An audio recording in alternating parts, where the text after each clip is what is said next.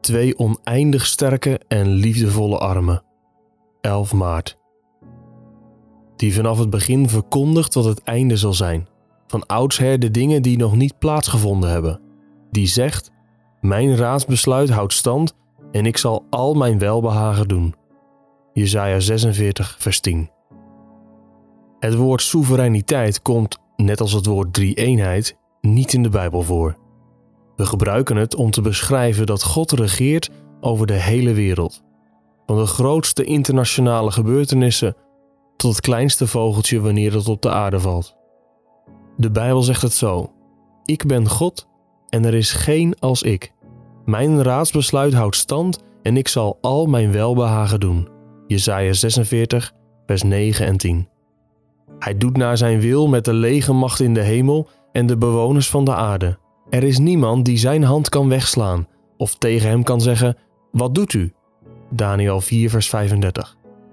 Maar als hij tegen iemand is, wie zal hem er dan van afbrengen? Wat zijn ziel verlangt, dat zal hij doen. Want hij zal het mij toegewezen deel ten uitvoer brengen. Job 23, vers 13 en 14.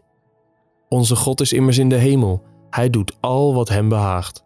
Psalm 115, vers 3.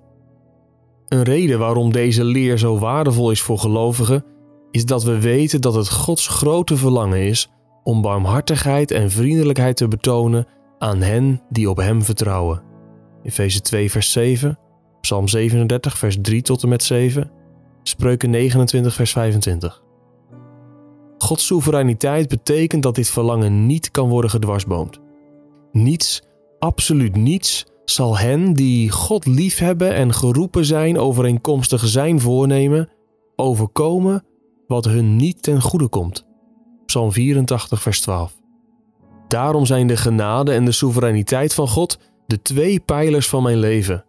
Ze vormen de hoop van mijn toekomst, de bron waar ik uit put in mijn dienstwerk, het middelpunt van mijn theologie, de band in mijn huwelijk, het medicijn tegen al mijn ziekten en het middel tegen alle mogelijke ontmoedigingen. En als ik vroeg of laat ga sterven, zullen deze twee waarheden om mijn bed staan. Ze zullen me met oneindig sterke en liefdevolle armen optillen en bij God brengen. Je luistert naar Onwankelbare Vreugde, een dagboek van John Piper door Geloofsterusting en Desiring God. Wil je meer luisteren, lezen of bekijken? Ga dan naar de website geloofsterusting.nl.